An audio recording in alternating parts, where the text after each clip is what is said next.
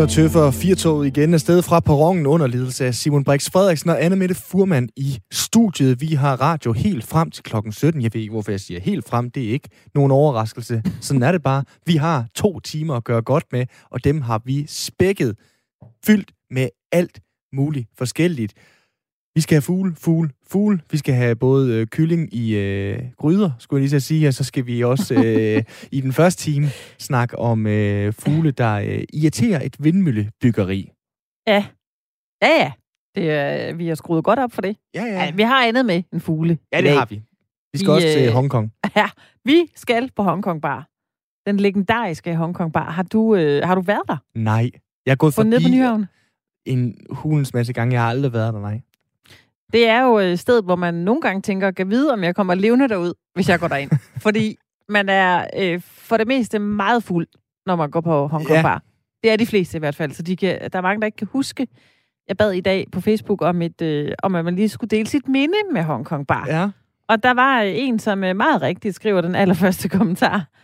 Øh, kan man overhovedet huske noget for de gange, man har været der? Jeg kan ikke. Og det, øh, jeg kan bare se på den tråd, det er der mange, der er fuldstændig enige i. Der tegner sig et uh, smukt mønster, Anna Mette, fordi jeg mener også, det var dig, der uh, havde fat i Crazy Daisy, dengang vi uh, skulle have udstillet Crazy Daisy på et uh, museum i Vejle. Var det ikke sådan, det var? Naturligvis. Og nu vil du altså en tur på Hongkong, bare fordi uh, den er sat til salg. Du byder altså- ikke på den, gør du det? Ej, jeg tænker lige, øh, jeg så en ø, der var til salg, og det koster nogenlunde det samme. En 7-8 millioner. Så Okay. hvis jeg nu skulle noget, så tænker jeg, jeg har nok mere alderen til at købe Ja. en øh, ø i Danmark end øh, en øh, Hongkong Bar. Øh, Det må jeg bare sige. Men jeg har været mange gange på Hongkong Bar, til gengæld. Jeg gad virkelig godt se det afsnit, beliggenhed, beliggenhed, beliggenhed, hvor de uh, fremviser Hongkong bare. Ja. Det kunne være, at man skulle lave sådan en temaudsendelse. Altså, det kan være. Simon, vi har et øh, spækket program, Det har vi. så øhm, er vi ikke ved at være der, hvor vi øh, lader være med at snakke om øh, vejret. Det venter jeg med til time 2. Gør du det? Så gør Ja, du det- det til, gengæld også. Præcis. Jeg lover ikke at sige noget om det lige nu. Jeg har gemt en, øh, en god værsnak Ja. øh, til næste time. Så prøv at høre her derude, kære lytter, skænke kaffe i kruse, eller sørg for at holde begge hænder på rettet. Uanset hvad du gør, så lover vi at guide dig igennem en hulens, hæftig, hyggelig eftermiddag. Velkommen indenfor til Firtoget. Nu skal vi til at snakke, og det var egentlig dig, der skulle til at snakke, Anna Mette. Men så Ja. er jeg jo så fin, at jeg godt lige øh, løfter pegefingeren over for dig og siger, det vi egentlig skal snakke om nu, det kunne vi godt starte på en anden måde, fordi vi skal tale om en ø. Ja. En helt specifik ø. Mm. Tidligere har vi haft noget om Femø-lejren for et stykke tid siden. Det hedder Femø, har jeg lavet mig fortælle. Så er der også noget med, at øh, Rømø hedder Romø, eller sådan et andet der. Generelt gør vi rigtig mange fejl i udtalelsen af øer. Her nu, der skal vi til Omø, vil jeg Ja, sige. det vil jeg jo også sige. Ja, jeg tror faktisk, det er Omø, synes jeg har læst en gang. Hvis der er nogle lytter derude, som er skarpe på det, eller også er vores næste gæst måske. Vi kan spørge Ip, vi skal Ja, tale med lige om lidt, om det hedder Omø eller Omø. Men uanset hvad det øh, udtales som, så ligger det syd for Skelskør. Og der er gang i lidt af et opgør lige nu, fordi den øh, grønne omstilling møder dyrebeskyttelse. Og det er jo ellers øh, to i gåsøjne gode ting, vi gerne vil sikre, men når den ene truer den anden, hvad gør vi så? Det er en øh, historie, det er det K fortæller i dag, og øh, kort fortalt så handler det om, at lige der, hvor øh, der er planer om at stille 50 havvindmøller op, der er der mange havfugle, der synes, det er fedt at være. Æderfugle, sortænder, fløjlsænder og lappedykker, og øh, en af dem, der har en holdning til det her, det er jo dig, i Larsen. Velkommen til programmet. Ja, tak skal du have. Du er formand for Danmarks Naturfredningsforening i øh, Slagelse.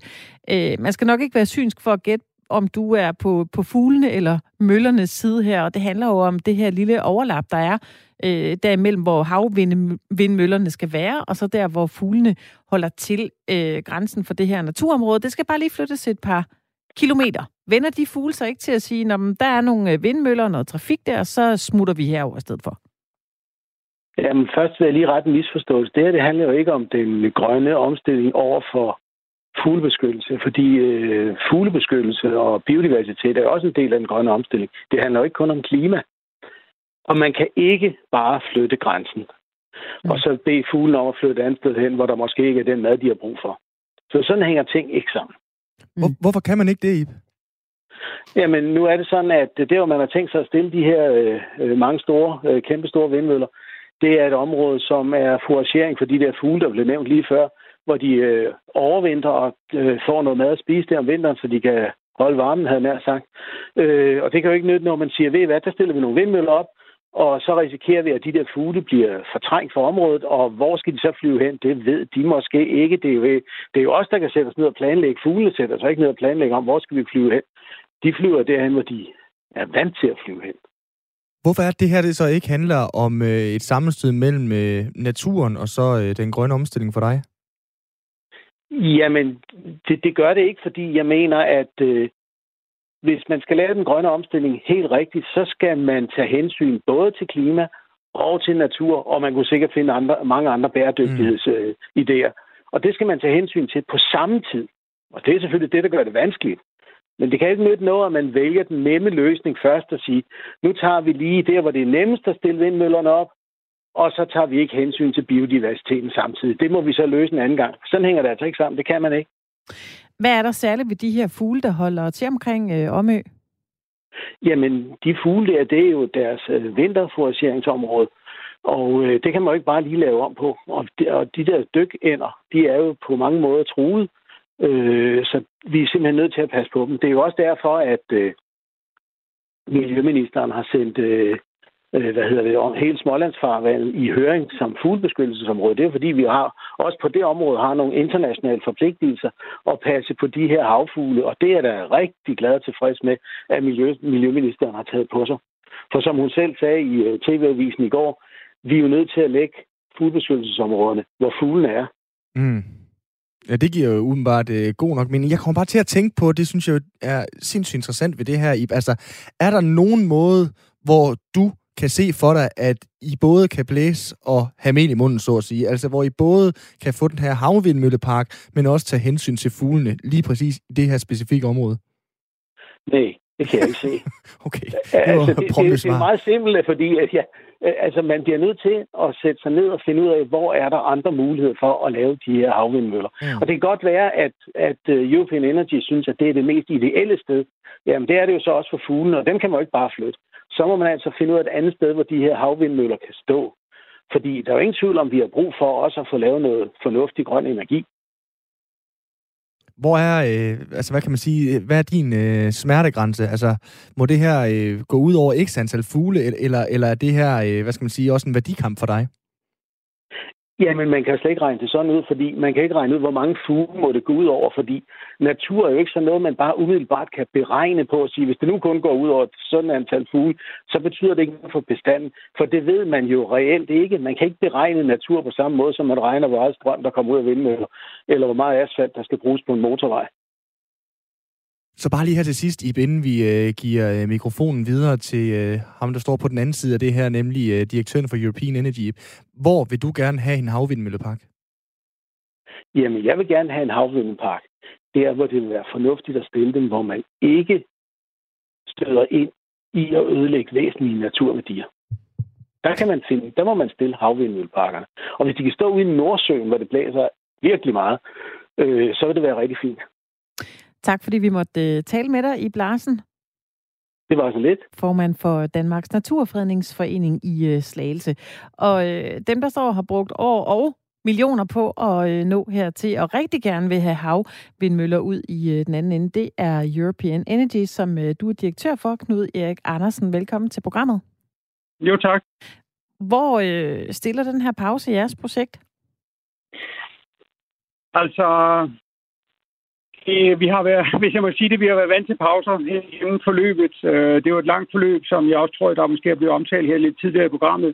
Øh, så det er ikke sådan, at øh, på måneder fra til i den store, øh, årlange øh, saga, vi har igennem her, betyder det helt store. Øh, men altså, det er jo klart, at øh, det vi, vi mærker nu, det er jo, at vi forhåbentlig kommer frem til en afklaring. Øhm, det man skal huske, det er, at projektet er sådan set færdigudviklet fra vores side. Vi har jo sådan set en godkendt VVM øh, fra øh, Energistyrelsen, øh, ovenikøbet VVM, som også er blevet godkendt allerede i 2018 fra øh, Miljøstyrelsen. Så, så, så det, er jo, det er jo sådan set ikke et projekt, som er længere udvikling, øh, forstået på den måde, at øh, alle miljøforhold er undersøgt, alle miljøforhold er godkendt. Og der er ikke nogen øh, signifikant impact på de arter, som, øh, som der, der, der omtales her. Altså det er primært øh, æderfuglen, som, som øh, er i skudlinjen øh, i, i diskussionen. Og der har vi netop jo undersøgt den af flere omgange, faktisk tre omgange, har vi undersøgt præcis øh, indflydelsen på den, øh, på den fugleart. Så, så, så for os, punkt et, er vi sådan set færdige øh, for den her omgang, og punkt to, øh, vi synes set også øh, komme ud med et super positivt resultat, både for den grønne omstilling, og sådan set også for øh, Øh, de, den, den fugleart, som, øh, som primært er i diskussion. Ja, fordi når man hører det i Blarsen, formand for Danmarks Naturfredningsforening i Slagelse, sagde lige før, så kunne han jo ikke se for sig, at man både kunne have havvindmølleparken og samtidig tage hensyn til de her til de her fugle. Nu er jeg med på, at du siger, Knud Erik, der har været en VVM-redegørelse. Der er nogen, der har mere forstand på det end både du og jeg, som har kigget på, hvordan går det her ud over fuglene. Når man sidder som direktør for European Energy, som du gør, hvor meget lyst har du så til at tage hensyn til fuglelivet? Jamen altså, det, det, det, det gør vi jo hele tiden. Øh, det er en, en grundforudsætning for alt, hvad vi gør. Øh, ellers har vores projekt jo ingen gang på jorden, så det er jo, det er jo der, vi starter. Vi vil sige, de uh, cirka 7-8 år, vi har brugt på det her, der er 80 procent af vores tid, øh, og de eksterne eksperter, som har arbejdet for os, øh, de er jo netop gået på at øh, undersøge øh, øh den øh, samme eksistens, der er med, med fuglene. Øh, så, så det er jo, altså den var rundt, så så har vi en, øh, en, en, en for det første har vi en utrolig god mavefornemmelse omkring det forhold, og det er jo også det, vi har brugt al vores tid på, øh, netop at undersøge det forhold. Så vi, vi har det helt roligt. Man skal jo tænke på, at området har jo tidligere ikke været øh, udlagt som fuglebeskyttelsesområde. Det har været nul dækning, det har været et helt normalt havområde. Øhm, og på den baggrund går vi så ind og søger øh, om den her VVM-tilladelse, øh, undersøger alle forhold, tusind sider dokumentation foreligger, Øhm, og så øh, kan du sige, så kommer så den her udpegning, potentiel udpegning for hele Smålandsfarvandet, en udpegning, som vi i øvrigt bakker op 100%. Vi synes, det er en, det er en rigtig, rigtig god idé, at EU og Danmark nu har sat sig sammen og så har fundet frem til, at Smålandsfarvandet skal udpeges. Så, så langt er vi sådan set, øh, men, men, så langt er vi sådan set enige. Men, det, det er jeg bare lige for at gøre det færdigt. Ja. Det, der så øh, jo sker, altså, det er, at æderfuglen, den har vi jo kigget rigtig, rigtig meget på, og det er så heldigt, at æderfuglen ikke kun sidder og fouragere det sted, hvor vores 2% af området nu øh, øh, skal eventuelt indeholde vores øh, vindmøllepark, men den er faktisk vidt øh, forgrenet over hele Smålandsfarvandet med, i sin, øh, med, med, under sin træk, og hvor den slår ned på søde. Og det vil sige, da vi så tager 2% ud til vores aktivitet, så er der stadig 98% tilbage, hvor æderfuglen fint kan, øh, kan søde føde. Og det, vores undersøgelser yderligere viser, det er, at selvom vi så lægger beslag på 2%, så ind i de 2%, øh, der kan vi se fra andre studier, vi har lavet, at æderfuglen faktisk synes, at det er interessant at være inde mellem møllerne, øh, dykke ned øh, ved, ved fundamenterne, ned det rev, de kunstige rev, som opstår ved fundamenterne, søge muslingen føde der. Så vi ser slet ikke den konflikt, som øh, nogen øh, prøver at, ligesom at mane op her, hvor hvor, man, hvor der skulle være sådan, at fuglene ikke kunne, kunne sameksistere med vindmøller, de, de ser ud til, viser vores undersøgelser, at sameksistere ganske glimrende. Øh, der er måske en lille smule symbolsk mellem os, forstå på den måde, at, at, øh, at muslingebanker inden godt måske trives bedre på vindmøllefundamenter end bare på bar havbund. Øh, så, så der, der er måske virkelig nogle pluseffekter i stedet for det modsatte. Så, så altså, vi ser ikke nogen konflikt, vi ser samme eksistens, og det håber jeg også, at, at øh, andre omkring bord eventuelt vil, øh, vil, vil prøve at kigge efter. Ja, det lyder det så ikke til i hvert fald, at, øh, at Danmarks Naturfredningsforening sådan Nej, helt men, øh, køber det. Og man må så også sige, at øh, nu læser hverken æderfugle eller andre fugle, ved jeg da i hvert fald ikke VVM-redegørelse. Og du kalder det alligevel en, en grundforudsætning for jer, at I gerne vil tage hensyn til, til, til dyrelivet. Altså, hvordan, hvordan rimer det på, at I stadigvæk er nødt til at banke den her havvindmøllepark op? Jamen det, som jeg nu prøver at sige før, så, så er vores impact øh, direkte øh, på den måde, som det er undersøgt af eksperter, øh, minimal. Øh, punkt to, øh, hvis man så skulle prøve at relatere lidt også måske lidt til det, DN siger, og som andre har været ude at sige her i de senere dage, man kunne prøve at sætte vores forhold, øh, vores impact i forhold til jægerne. Øh, og der kan man jo prøve at sige, hvad, hvor meget bliver det rundt jagt, jagtet øh, og skudt i helt normal jagtsæson øh, i det samme område øh, i Spottelfarvandet. Det er størrelsesordner flere fugle af de her arter, altså æderfuglen, som er den primære igen øh, art, der er under interesse, der bliver simpelthen skudt af jæger. Øh, og et eller andet sted virker det jo på mig underligt, hvis øh, DN eller ornitologerne ikke tager en høflig øh, dialog med de her kære jæger og siger, kære venner, Øh, vi synes, det er synd for fuglene, at I plukker dem ned i tusindtal. Øh, altså vores vindmøllepark med de øh, officielle opgørelsesmetoder, der er fra DCE, vi vil have en impact på nogle 100 enheder om året, eventuelt i en worst case scenario. Jægerne dokumenterer meget præcis, hvor mange tusind de, øh, de nedlægger om året i det samme område, og det, der, der er altså en størrelseordentlig forskel.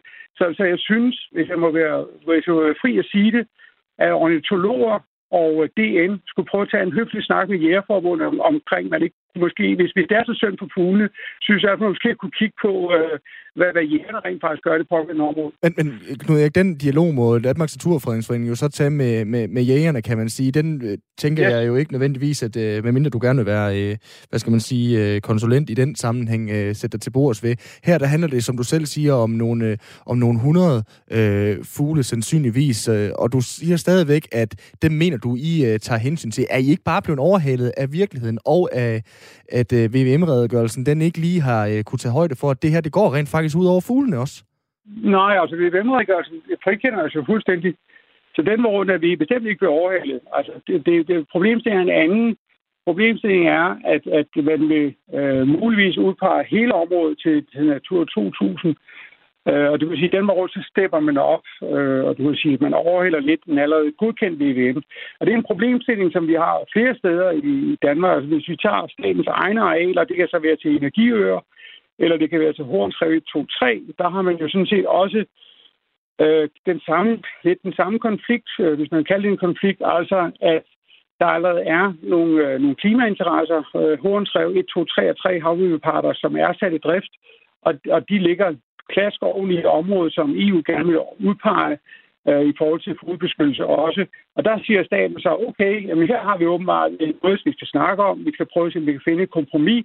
Og så tager staten til Bruxelles, og så prøver man at se, om man kan finde et kompromis. Det kunne man jo også gøre i forhold til vores. Altså et eller andet sted, så synes vi jo, det at give 98 procent øh, til den rene øh, naturbeskyttelse, til den rene fuglebeskyttelse, det synes jeg jo er en, en, en, en, en, en fin vægt. Vi, vi har så to øh, procent, som vi gerne ville se, også kunne være muligt for at indeholde øh, klimadagsordenen. Og det, jeg, jeg synes ikke, det, det er måske urimeligt, at man prøver at tage lidt øh, hensyn til begge dagsordner. Altså både dagsordenen omkring vores natur, og dagsordenen omkring vores, øh, vores, vores klima.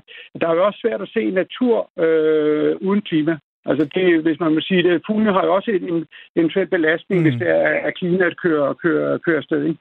Ja, så er I jo i hvert fald egentlig, i hvert fald på det parameter. Altså i Blarsen, han mener jo i hvert fald ikke, at man kan i lige præcis den her øh, kontekst omkring Omø både blæse og have mel i munden, altså både til hensyn til fugle og til øh, havvindmøllepark. Det, det, det synes jeg, han skal genoverveje, fordi jeg ja. ser sådan set så ikke det konfliktbillede, som, øh, som der bliver tegnet op her. Altså, øh, vi ser også en masse andre steder i Danmark, at de her fugle, øh, selvom man måske i udgangspunktet tænker, at det er svært for de fugle øh, at sameksistere på Saltholm, eller det kunne være Prinsesse Marys Bro eller andre steder, hvor, hvor ornitologer vil til, puha, når vi nu bygger Prinsesse Marys Bro, jamen så er der ingen fugle, der, der kan være i Roskilde Bugt længere, eller i Roskilde Fjord mm. længere, og så viser sig rent faktisk, at de, de, de vender tilbage, når, når byggeriet er ved at være afsluttet, så kommer de tilbage og lever i samme store antal øh, efter at altså, bro blev etableret med motorlarm og så videre, som de gjorde tidligere. Altså den evne til at tilpasse sig og adaptere, som mennesket har, ser der altså også ud til, de her fugle har. Og noget vis om, i et vist omfang ser det også ud til, at fuglene rent faktisk kan, kan tage fordel af, at der er nogen, der er kunstige rev, der opstår, hvor bestensætninger betyder, at der er bedre mulighed for, at muslingarter kan udvikle sig og kan man danne grund, fødegrundlag for de her fuglearter. Så jeg synes, man skulle prøve at nuancere debatten en lille smule, end bare lige sige, at en død fugl er, er, er det hele, og så må alt andet stå tilbage. Vi synes, en død fugl er en for meget, men, men det er så ikke sikkert, at det går så galt. Vi tror sådan set, at der kan være en fin sameksistens. Så du tror ikke på, at der er nogen fugle, der øh, dør ved, at de øh, anlægger den her vindmøllepark øh, ved Omø? Jo, det, det kan man jo ikke sige. Man kan jo ikke, det kan man jo ikke garantere. Der er ingen garantere. Der er også fugle, der dør i trafikken. Der er fugle, der dør i, i alle mulige andre sammenhænge. Men som jeg siger, et nemt sted at starte var der at begrænse jagtsæsonen en lille smule. Øh, hvorfor, hvorfor er det så vigtigt, at, øh, at, at vi skyder tusindvis af de her arter om året? Er det, er det et virkelig samfundsnødvendigt? Er det sådan, at vi, at vi som art ikke kan overleve, hvis vi ikke får de her øh, æderfugle øh, på, på, på, på bordet?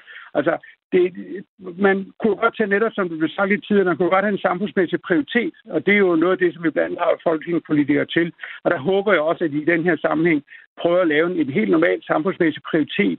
Hvad er det virkelig, der er vigtigt for os lige nu? Hvad er det i 2021, øh, vi har som de overordnede prioriteter? Sagde altså Knud Erik Andersen, som er direktør for European Energy. Tak fordi du var med her, Knud Erik. Lige måde, tak. Og øh, hvis man øh, gerne vil være en rig mand, så øh, tænker jeg, at man godt kan få en fin sum penge for at løse den her problematik, det her dilemma, fordi øh, man har folk som Knud Erik Andersen, der vil kaste kapital i den grønne omstilling, og så skal vi også huske at passe på dyrene. Så hvad gør vi? Det kan vi spørge øh, dig om, øh, Christian Borg. Du er uafhængig forsker og konsulent i vedvarende energi, og har blandt andet kigget på øh, borgerinddragelse, når det kommer til øh, vindmøller på, øh, på land. Har vi dig med nu, øh, Christian? Ja, jeg kan i hvert fald høre dig. Dejligt. Så jeg tror ikke, jeg var lige ved at skrue op for den øh, forkerte linje, så kunne det være, at vi havde en, der brokkes over trafikken. Øhm, Christian, i forhold til det, vi hører øh, her, nu kan jeg jo så stille det samme spørgsmål, som jeg både har stillet til IP, og jeg har stillet til Knud Erik fra European Energy. Kan man her omkring området ved Omø blæse og have i munden, altså have en havvindmøllepark og tage hensyn til de sjældne fugle? Omø-projektet er et lidt specielt projekt, ikke? og der er også har været en dårlig kommunikation mellem myndigheder og, og, og udviklere her, European Energy. Øhm, så, så European Energy har sådan set set ud til, i hvert fald lige kan sætte mig hurtigt ind i, at de har været i god tro. Øh, så det er i hvert fald noget, man skal kigge på i mm. fremtiden. Øh, det næste, man så kan sige, at selvfølgelig kan man have begge dele, og, og vi bliver nødt til at tage hensyn til naturen. Naturen har eddermame til meget hensyn til, til os. Øh, og hvis vi kigger på, på Danmark, så er det jo et, et stort kulturlandskab, ikke? og vi er jo et af de lande i verden, der har øh, øh, mindst biodiversitet. Vi er virkelig været grove.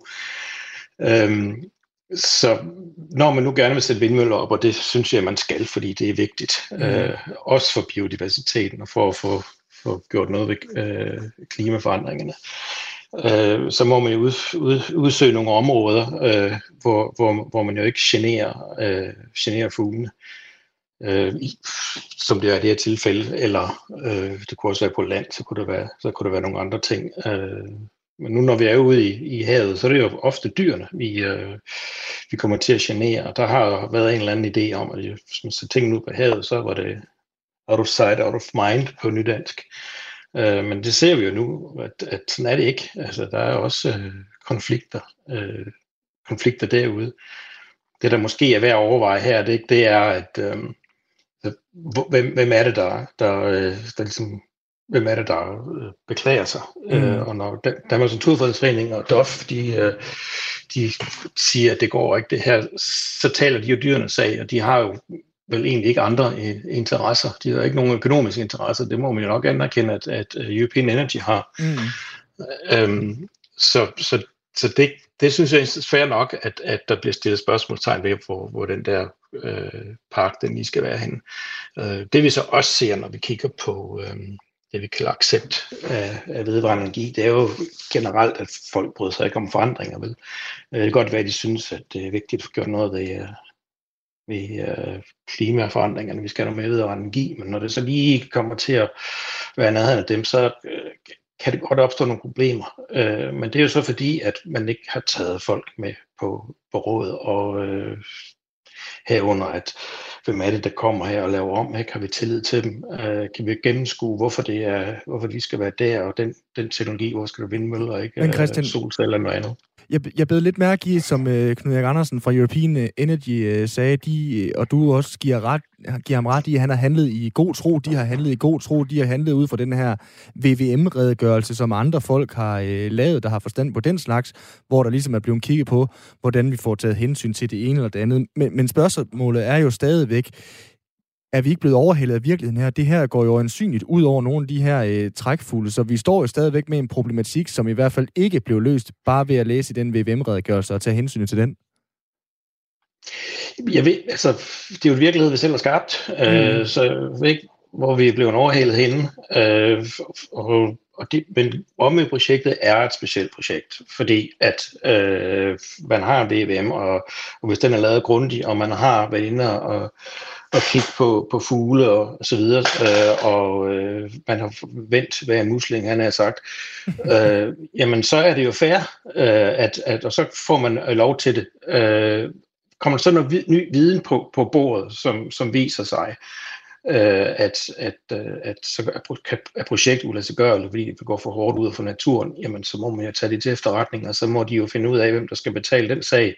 Øh, altså, det bliver i hvert fald nok ikke fuglene. Øh, men så må øh, European Energy enten indskrænke deres projekt, eller mm. så må de øh, bede om erstatning hos, øh, hos en eller anden planmyndighed, som har givet dem lov til at, at bygge det i første omgang. Altså, er sådan er det jo. Altså, fuglene er, og hvis det er et Natur 2000-område, så er der altså ikke noget at diskutere. Mm.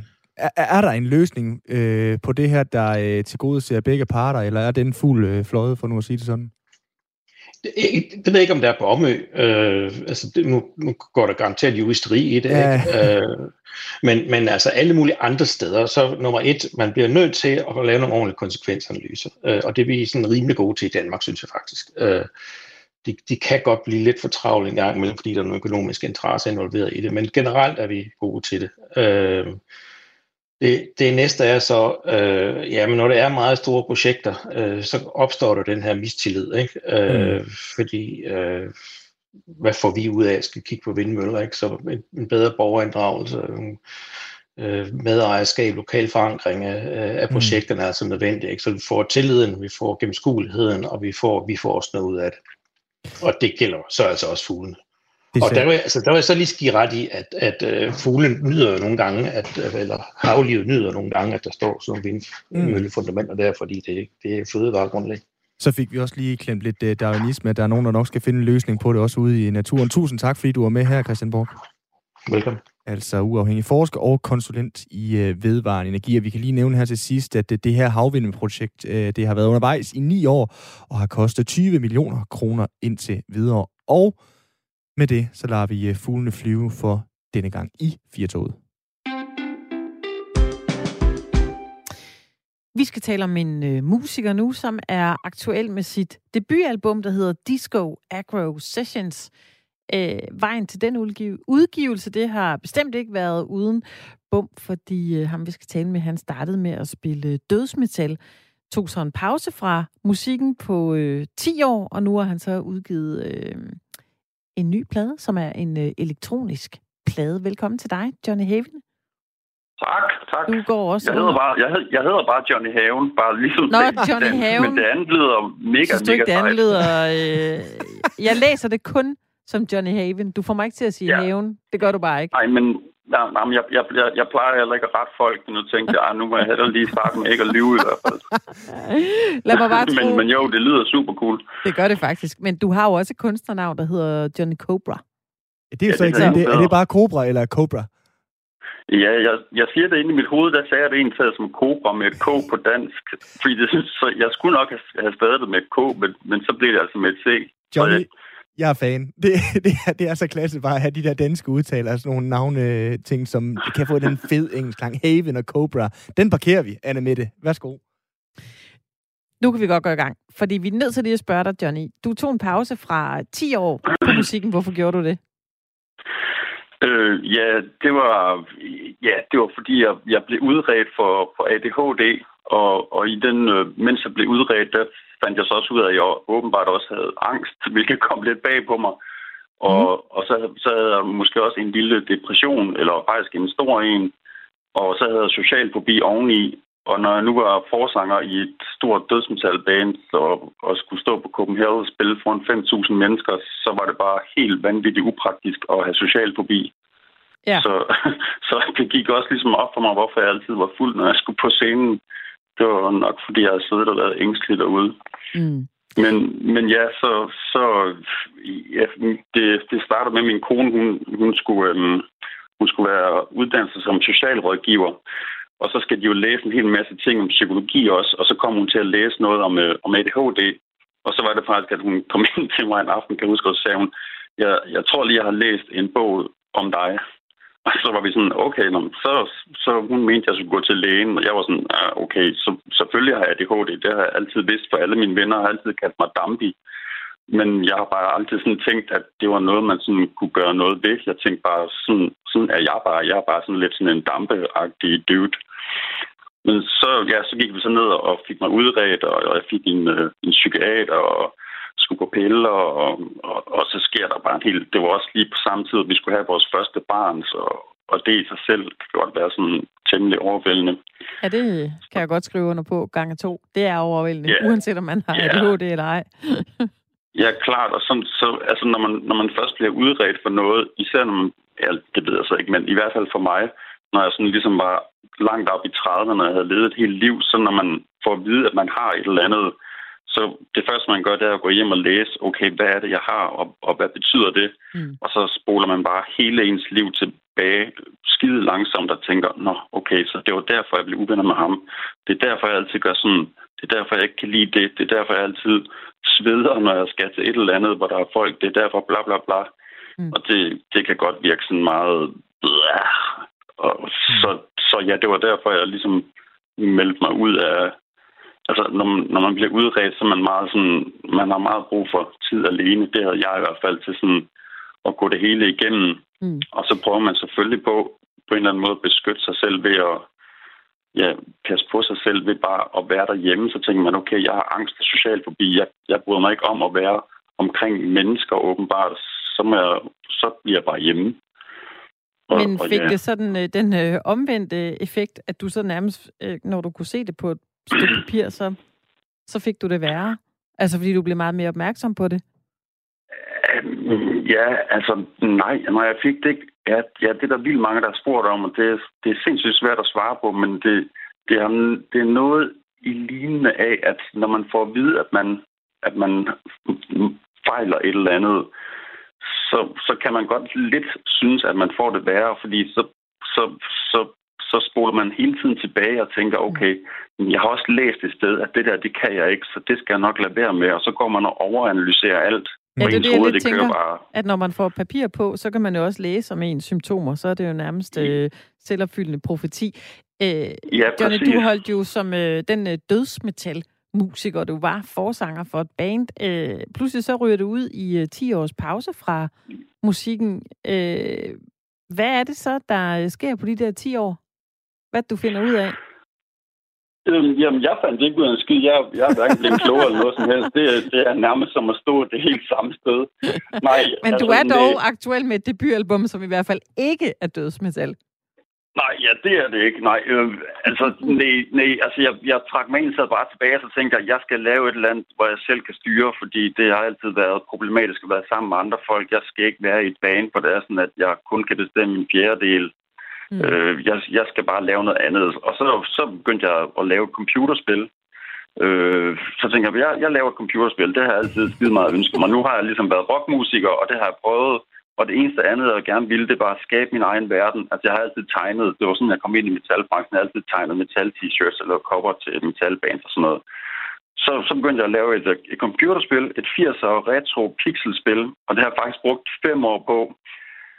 Og, og det, det er bare en, ja, det går bare for en over de fem år. Det, det, det er bare en gigantisk øh, mundfuld at lave et computerspil. Man skal selv tegne, du skal animere, du skal skrive historien, du skal alt muligt, bla bla, du skal lave musik og programmere. Og så har jeg sådan, så har jeg gået og tegnet lidt et år, så har jeg gået og animeret lidt et år, og så tænker jeg, ah, okay, nu, nu tror jeg faktisk godt, at jeg skal have lavet noget musik, fordi det kunne sådan måske bringe noget, give mig en, en idé om, hvad for en stemning det her spil skal have. Og det skulle selvfølgelig være noget 80'er musik, noget retro noget, fordi det passede jo til den der pixel-grafikstil. Og så, så, så, så kom jeg bare, ja, historien er, at så kom jeg bare aldrig tilbage til spillet. Altså, så blev jeg bare hængende der, så begyndte jeg at lave 80'er musik, og så fandt jeg ud af, wow, der er noget, der hedder Dark Synth. Der er, noget, der, der er nogle folk, der laver sådan noget 80 og noget, hvor de blander metalting ind i. Og, og så siden der har jeg bare ikke kigget mig tilbage, så var, det var bare som om, jamen det eneste, der er federe end metal, det er at blande øh, øh, sejlersko og skulderpuder ind i det. det kan jeg umiddelbart ikke lige se som et øh, mix, men nu du siger det, er det da øh, super fascinerende, faktisk. ja, jamen, der, der kan øh. godt love dig for, at det var sådan moonboots og sådan noget, det er jo, og jojo, det er uha. Johnny, jeg kan jo ikke lade være med at tænke, når nu man har som dig været øh, metal, dødsmetal musiker, og så nu laver det her genreskift. Du siger så, eller henter i hvert fald lidt til, at, at du stadigvæk inkorporerer noget dark synth og så videre. Altså, hvad kan du bedst lide? Dødsmetal eller øh, elektronisk? Jamen, jeg, jeg kan lide begge ting. Altså, det, det er ikke sådan, at... Det, jeg, jeg hører stadigvæk metal hele tiden. Og, og jeg har også prøvet på at lave noget, noget 80'er noget, der var sådan lidt uden metal, og tænkte, at så kunne det måske også være sjovt, men det, det sker bare helt automatisk. Der ryger bare altid metal ind i det. Mm. Altså, det lyder bare som gammel Slayer blandet med 80'er crap. men John, det, det, altså, ja. Jeg bliver bare lige nysgerrig på, at øh, efter du får din diagnose, du øh, finder ud af, at du har ADHD, du har også angst øh, og social fobi, har musikken hjulpet dig så igennem det?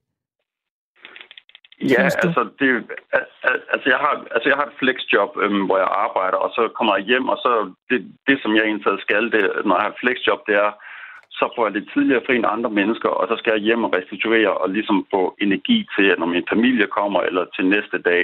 Og det jeg så bare altid har gjort, det er at gå hjem og tegne i de her mange år, hvor jeg har lavet på computerspil. Og så i stedet for at gøre det, så gik jeg bare hjem og lavede musik. Altså det er sådan de to ting, jeg kan, det er at tegne og lave musik. Og det, det, det er det, der hjælper mig med at restituere og bare sidde og lave syret musik. Og så skete det bare ved et nærmest uheld, at jeg, jeg fik det smidt på nettet, og jeg tænkte, at ah, det skal ikke rigtig blive til noget. Men, men ja, så allerede samme dag, så, så var det, så ringede der en dude, øh, ham der har booket det her interview, og sagde, hey, det er mega fedt, du skal da alt muligt. Og så pludselig stak det bare af, og så var jeg sådan, okay, når man fedt, så er jeg musiker igen. Så spurgte jeg lige min kone ad, er det okay, at jeg bliver musiker? Ja, men det er fint nok, og så, så var jeg det. Fedt. Lige inden vi øh, skal høre et, øh, et nummer fra dit nye album, øh, Johnny, så vil jeg bare lige høre, hvad siger dine gamle bandkammerater til en ny udgave af dig, nu med diagnose, nu ikke forsanger i et metalband mere, men nu en, der mixer metal og 80'er musik? Hvad sagde de? Jamen, det synes, de, det, det synes de er super fedt. Altså, Toby, trommeslæren fra The Burning, som jeg spillede i, han er allerede hoppet med i over i det næste band øh, i Johnny Cobra. Altså nu er Johnny Cobra, det er jo under corona, så er det jo bare Johnny Corona, så sker der jo ikke så meget, så sidder man bare derhjemme og laver det. Men, øh, men lige så snart at Johnny Corona er færdig, så skal vi derud og, og lave Johnny Cobra og spille live, og, og den er han helt med på. Og de andre, det, det, nogle af dem er blevet gamle, nogle af dem laver noget andet, og det, det er helt fint. Jeg tror, de synes, det alle sammen er super cool. Jeg snakker jo ikke med så mange, men jeg har postet det på Facebook, og der har der fået et like, og det går ud fra, at det betyder, at de bare synes, det er helt okay. Fantastisk. Vi øh, slipper dig nu, Johnny, og så, øh, så skal vi lige høre selvfølgelig noget af det musik, du øh, taler om. Tak fordi du ville øh, dele din historie med os her i øh, det programmet med alle lytterne. Tak fordi I vil have mig. God dag til dig. Lige måde. Hej. Hej. Det nummer, vi skal høre, det er øh, så ikke Johnny Cobra, men Johnny Cobra. Nemlig. På dansk. Det lyder da egentlig også meget federe, gør det ikke det på dansk? Det nummer, vi skal høre, det er et, der hedder We Have Come. Fra debutalbummet Disco Agro Sessions. Det er også en klassetitel. Den var ja. jeg nødt til lige at nævne, Anna Mette, der. Ja, Som fed. du sagde, We Have Come kommer her.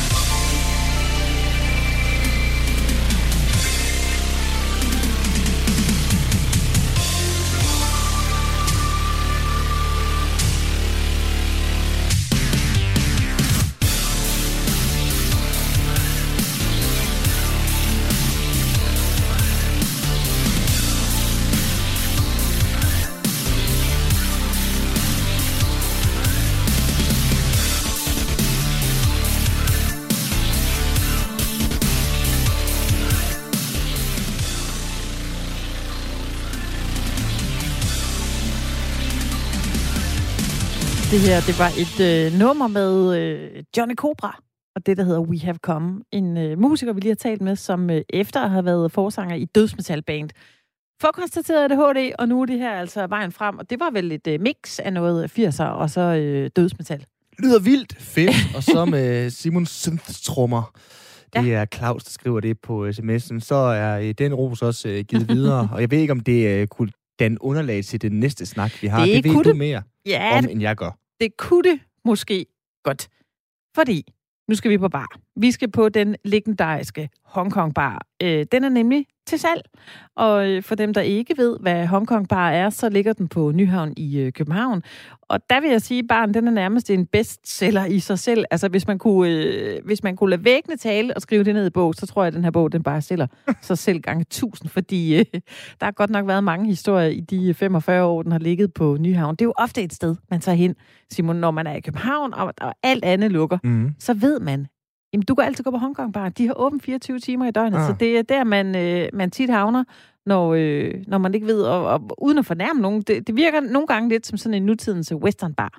Jeg ved, okay. har du været der? Nej, det har Nej. jeg ikke. Det, men det, åh, det fortryder jeg da bittert nu, det, kan jeg godt høre. kan jeg godt forstå. Du, der har du altså en oplevelse til gode. Øh, jeg skrev tidligere i dag lige på Facebook, fordi jeg skulle lige høre, om der var nogle af mine Facebook-venner, der havde nogle minder dernede fra, hvor øh, den første kommentar var, kan man overhovedet huske noget for de gange, man har været der? Jeg kan ikke.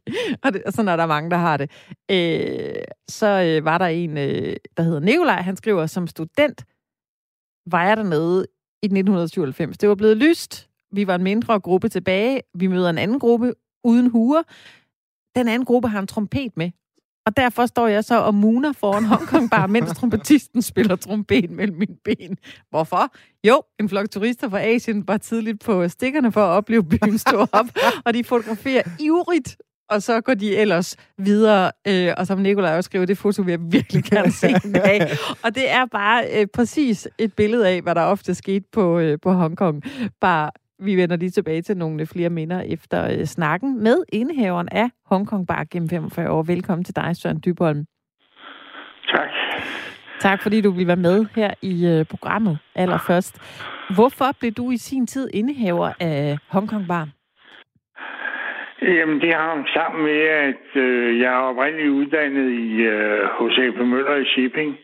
Og så var jeg øh, hos et andet lille rederi bagefter. Mm.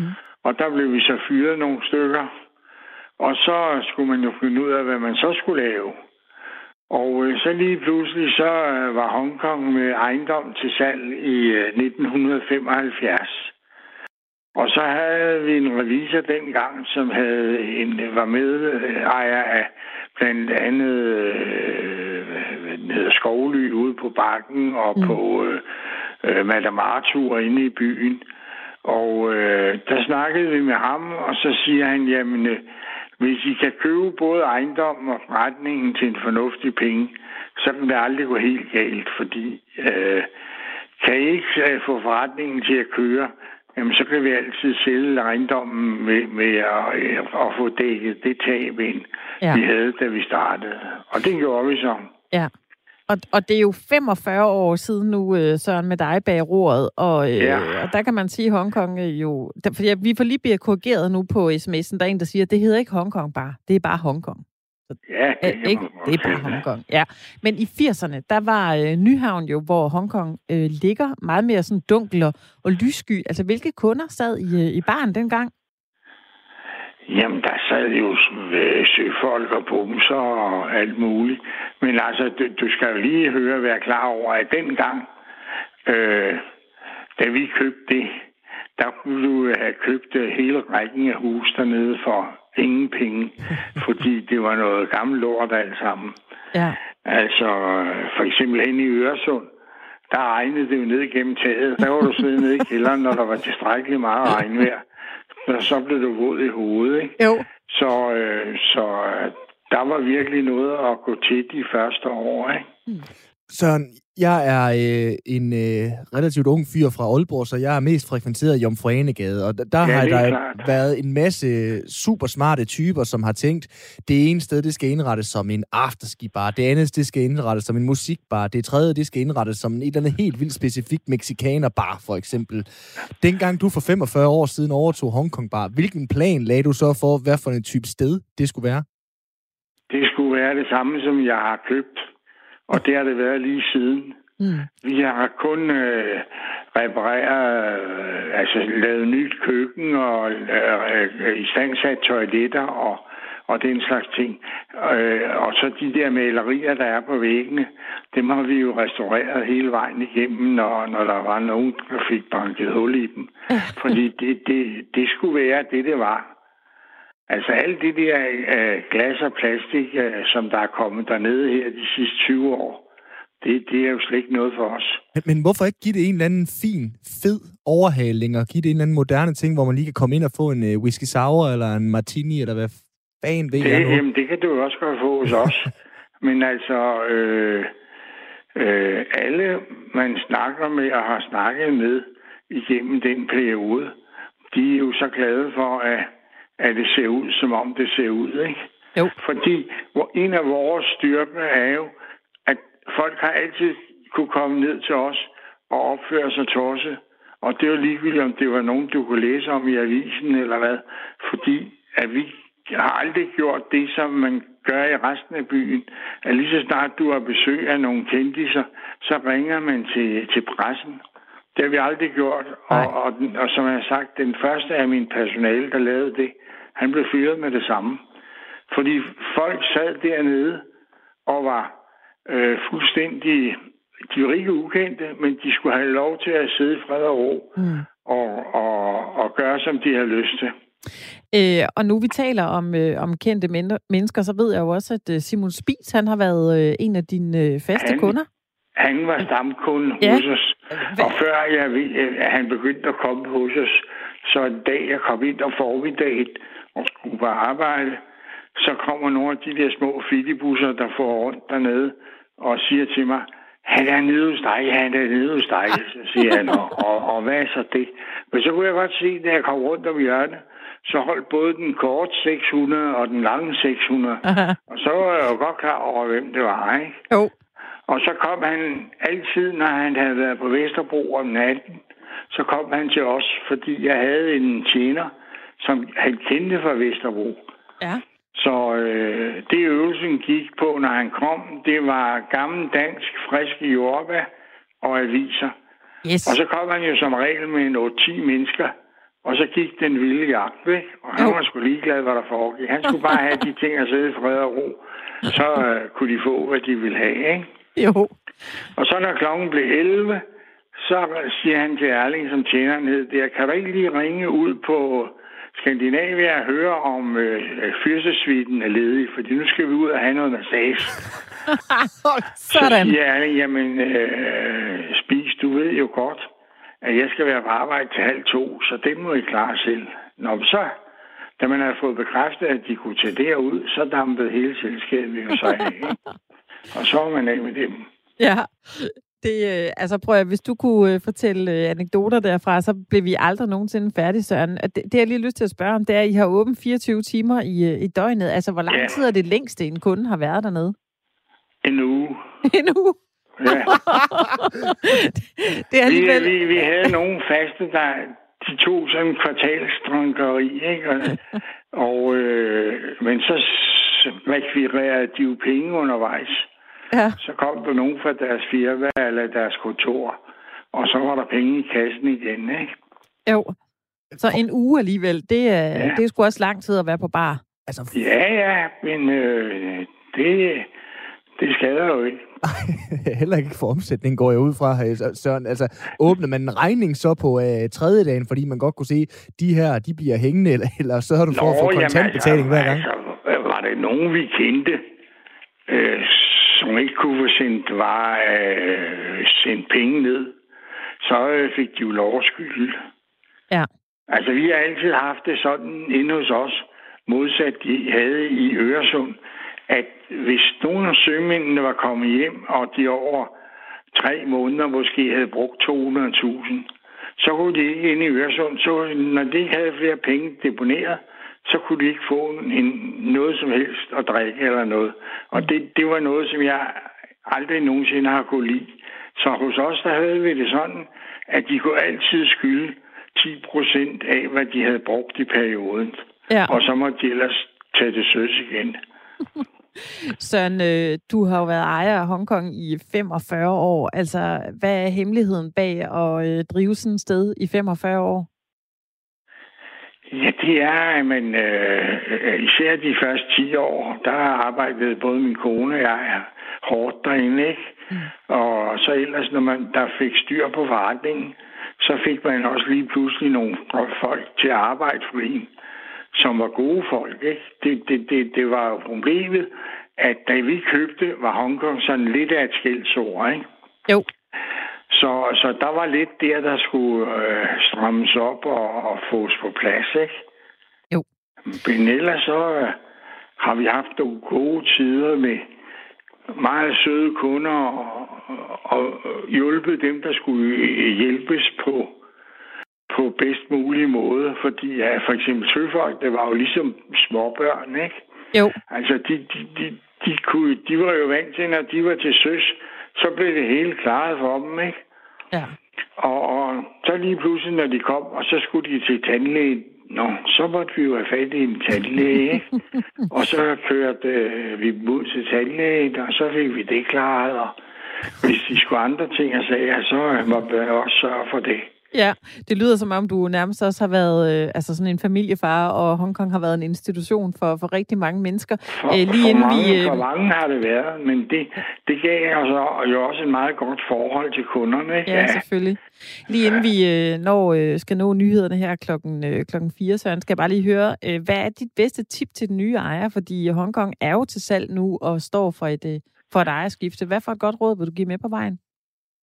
Ja, jeg vil da, jeg vil da, altså, altså, hvis jeg skulle vælge mellem en, der ville bygge det om til krom og plastik, så vil jeg altså hellere vælge en, der, der kendte værtshusbranchen i forvejen, og som, som ville fortsætte det, som det er. Mm. Det er i hvert fald et sted, der er legendarisk, og som øh, har givet nogle rigtig gode minder til rigtig, rigtig mange danskere. Tusind yes. tak, fordi Alle vi måtte... Alle vores gæster, det var jo bumser og prinser. Bumser og prinser. ja. Tusind tak, fordi vi måtte uh, tale med dig, Søren. Ha' en god dag. Ja. Tak, hej. Hej. Det er et besøg værd. Ja, det lyder sådan. Det var ja. øh, indehaver af Hongkong Bar, eller bare Hongkong, gennem 45 ja. år. Er du sindssygt, men vi har fået en sms fra Paul. Mm. Hej, fire tog. I 90'erne rejste jeg med flyverbåden til København og gik gennem Nyhavn og Hongkong tidligere om morgenen. Der var gråd, latter, kærlige omfavnelser, slagsmål og skriftemål ved vandet klokken 7 om morgenen så er dagen begyndt. Ved du, det, det rammer det præcis ind med den sms, sådan som det øh, er dernede. Mm? Vi øh, parkerer Hongkong i øh, Nyhavn for nu, og mm-hmm. så iler vi mod nyhederne her i øh, din eftermiddagsradio på Radio 4. Du lytter til Firtoget om 5 minutter, der er vi tilbage. Det er vi efter klokken er blevet 16, og der har været nyheder her på Radio 4. Simon Brix Frederiksen og Anna Mette Furman giver det passion videre. Klokken den er 16.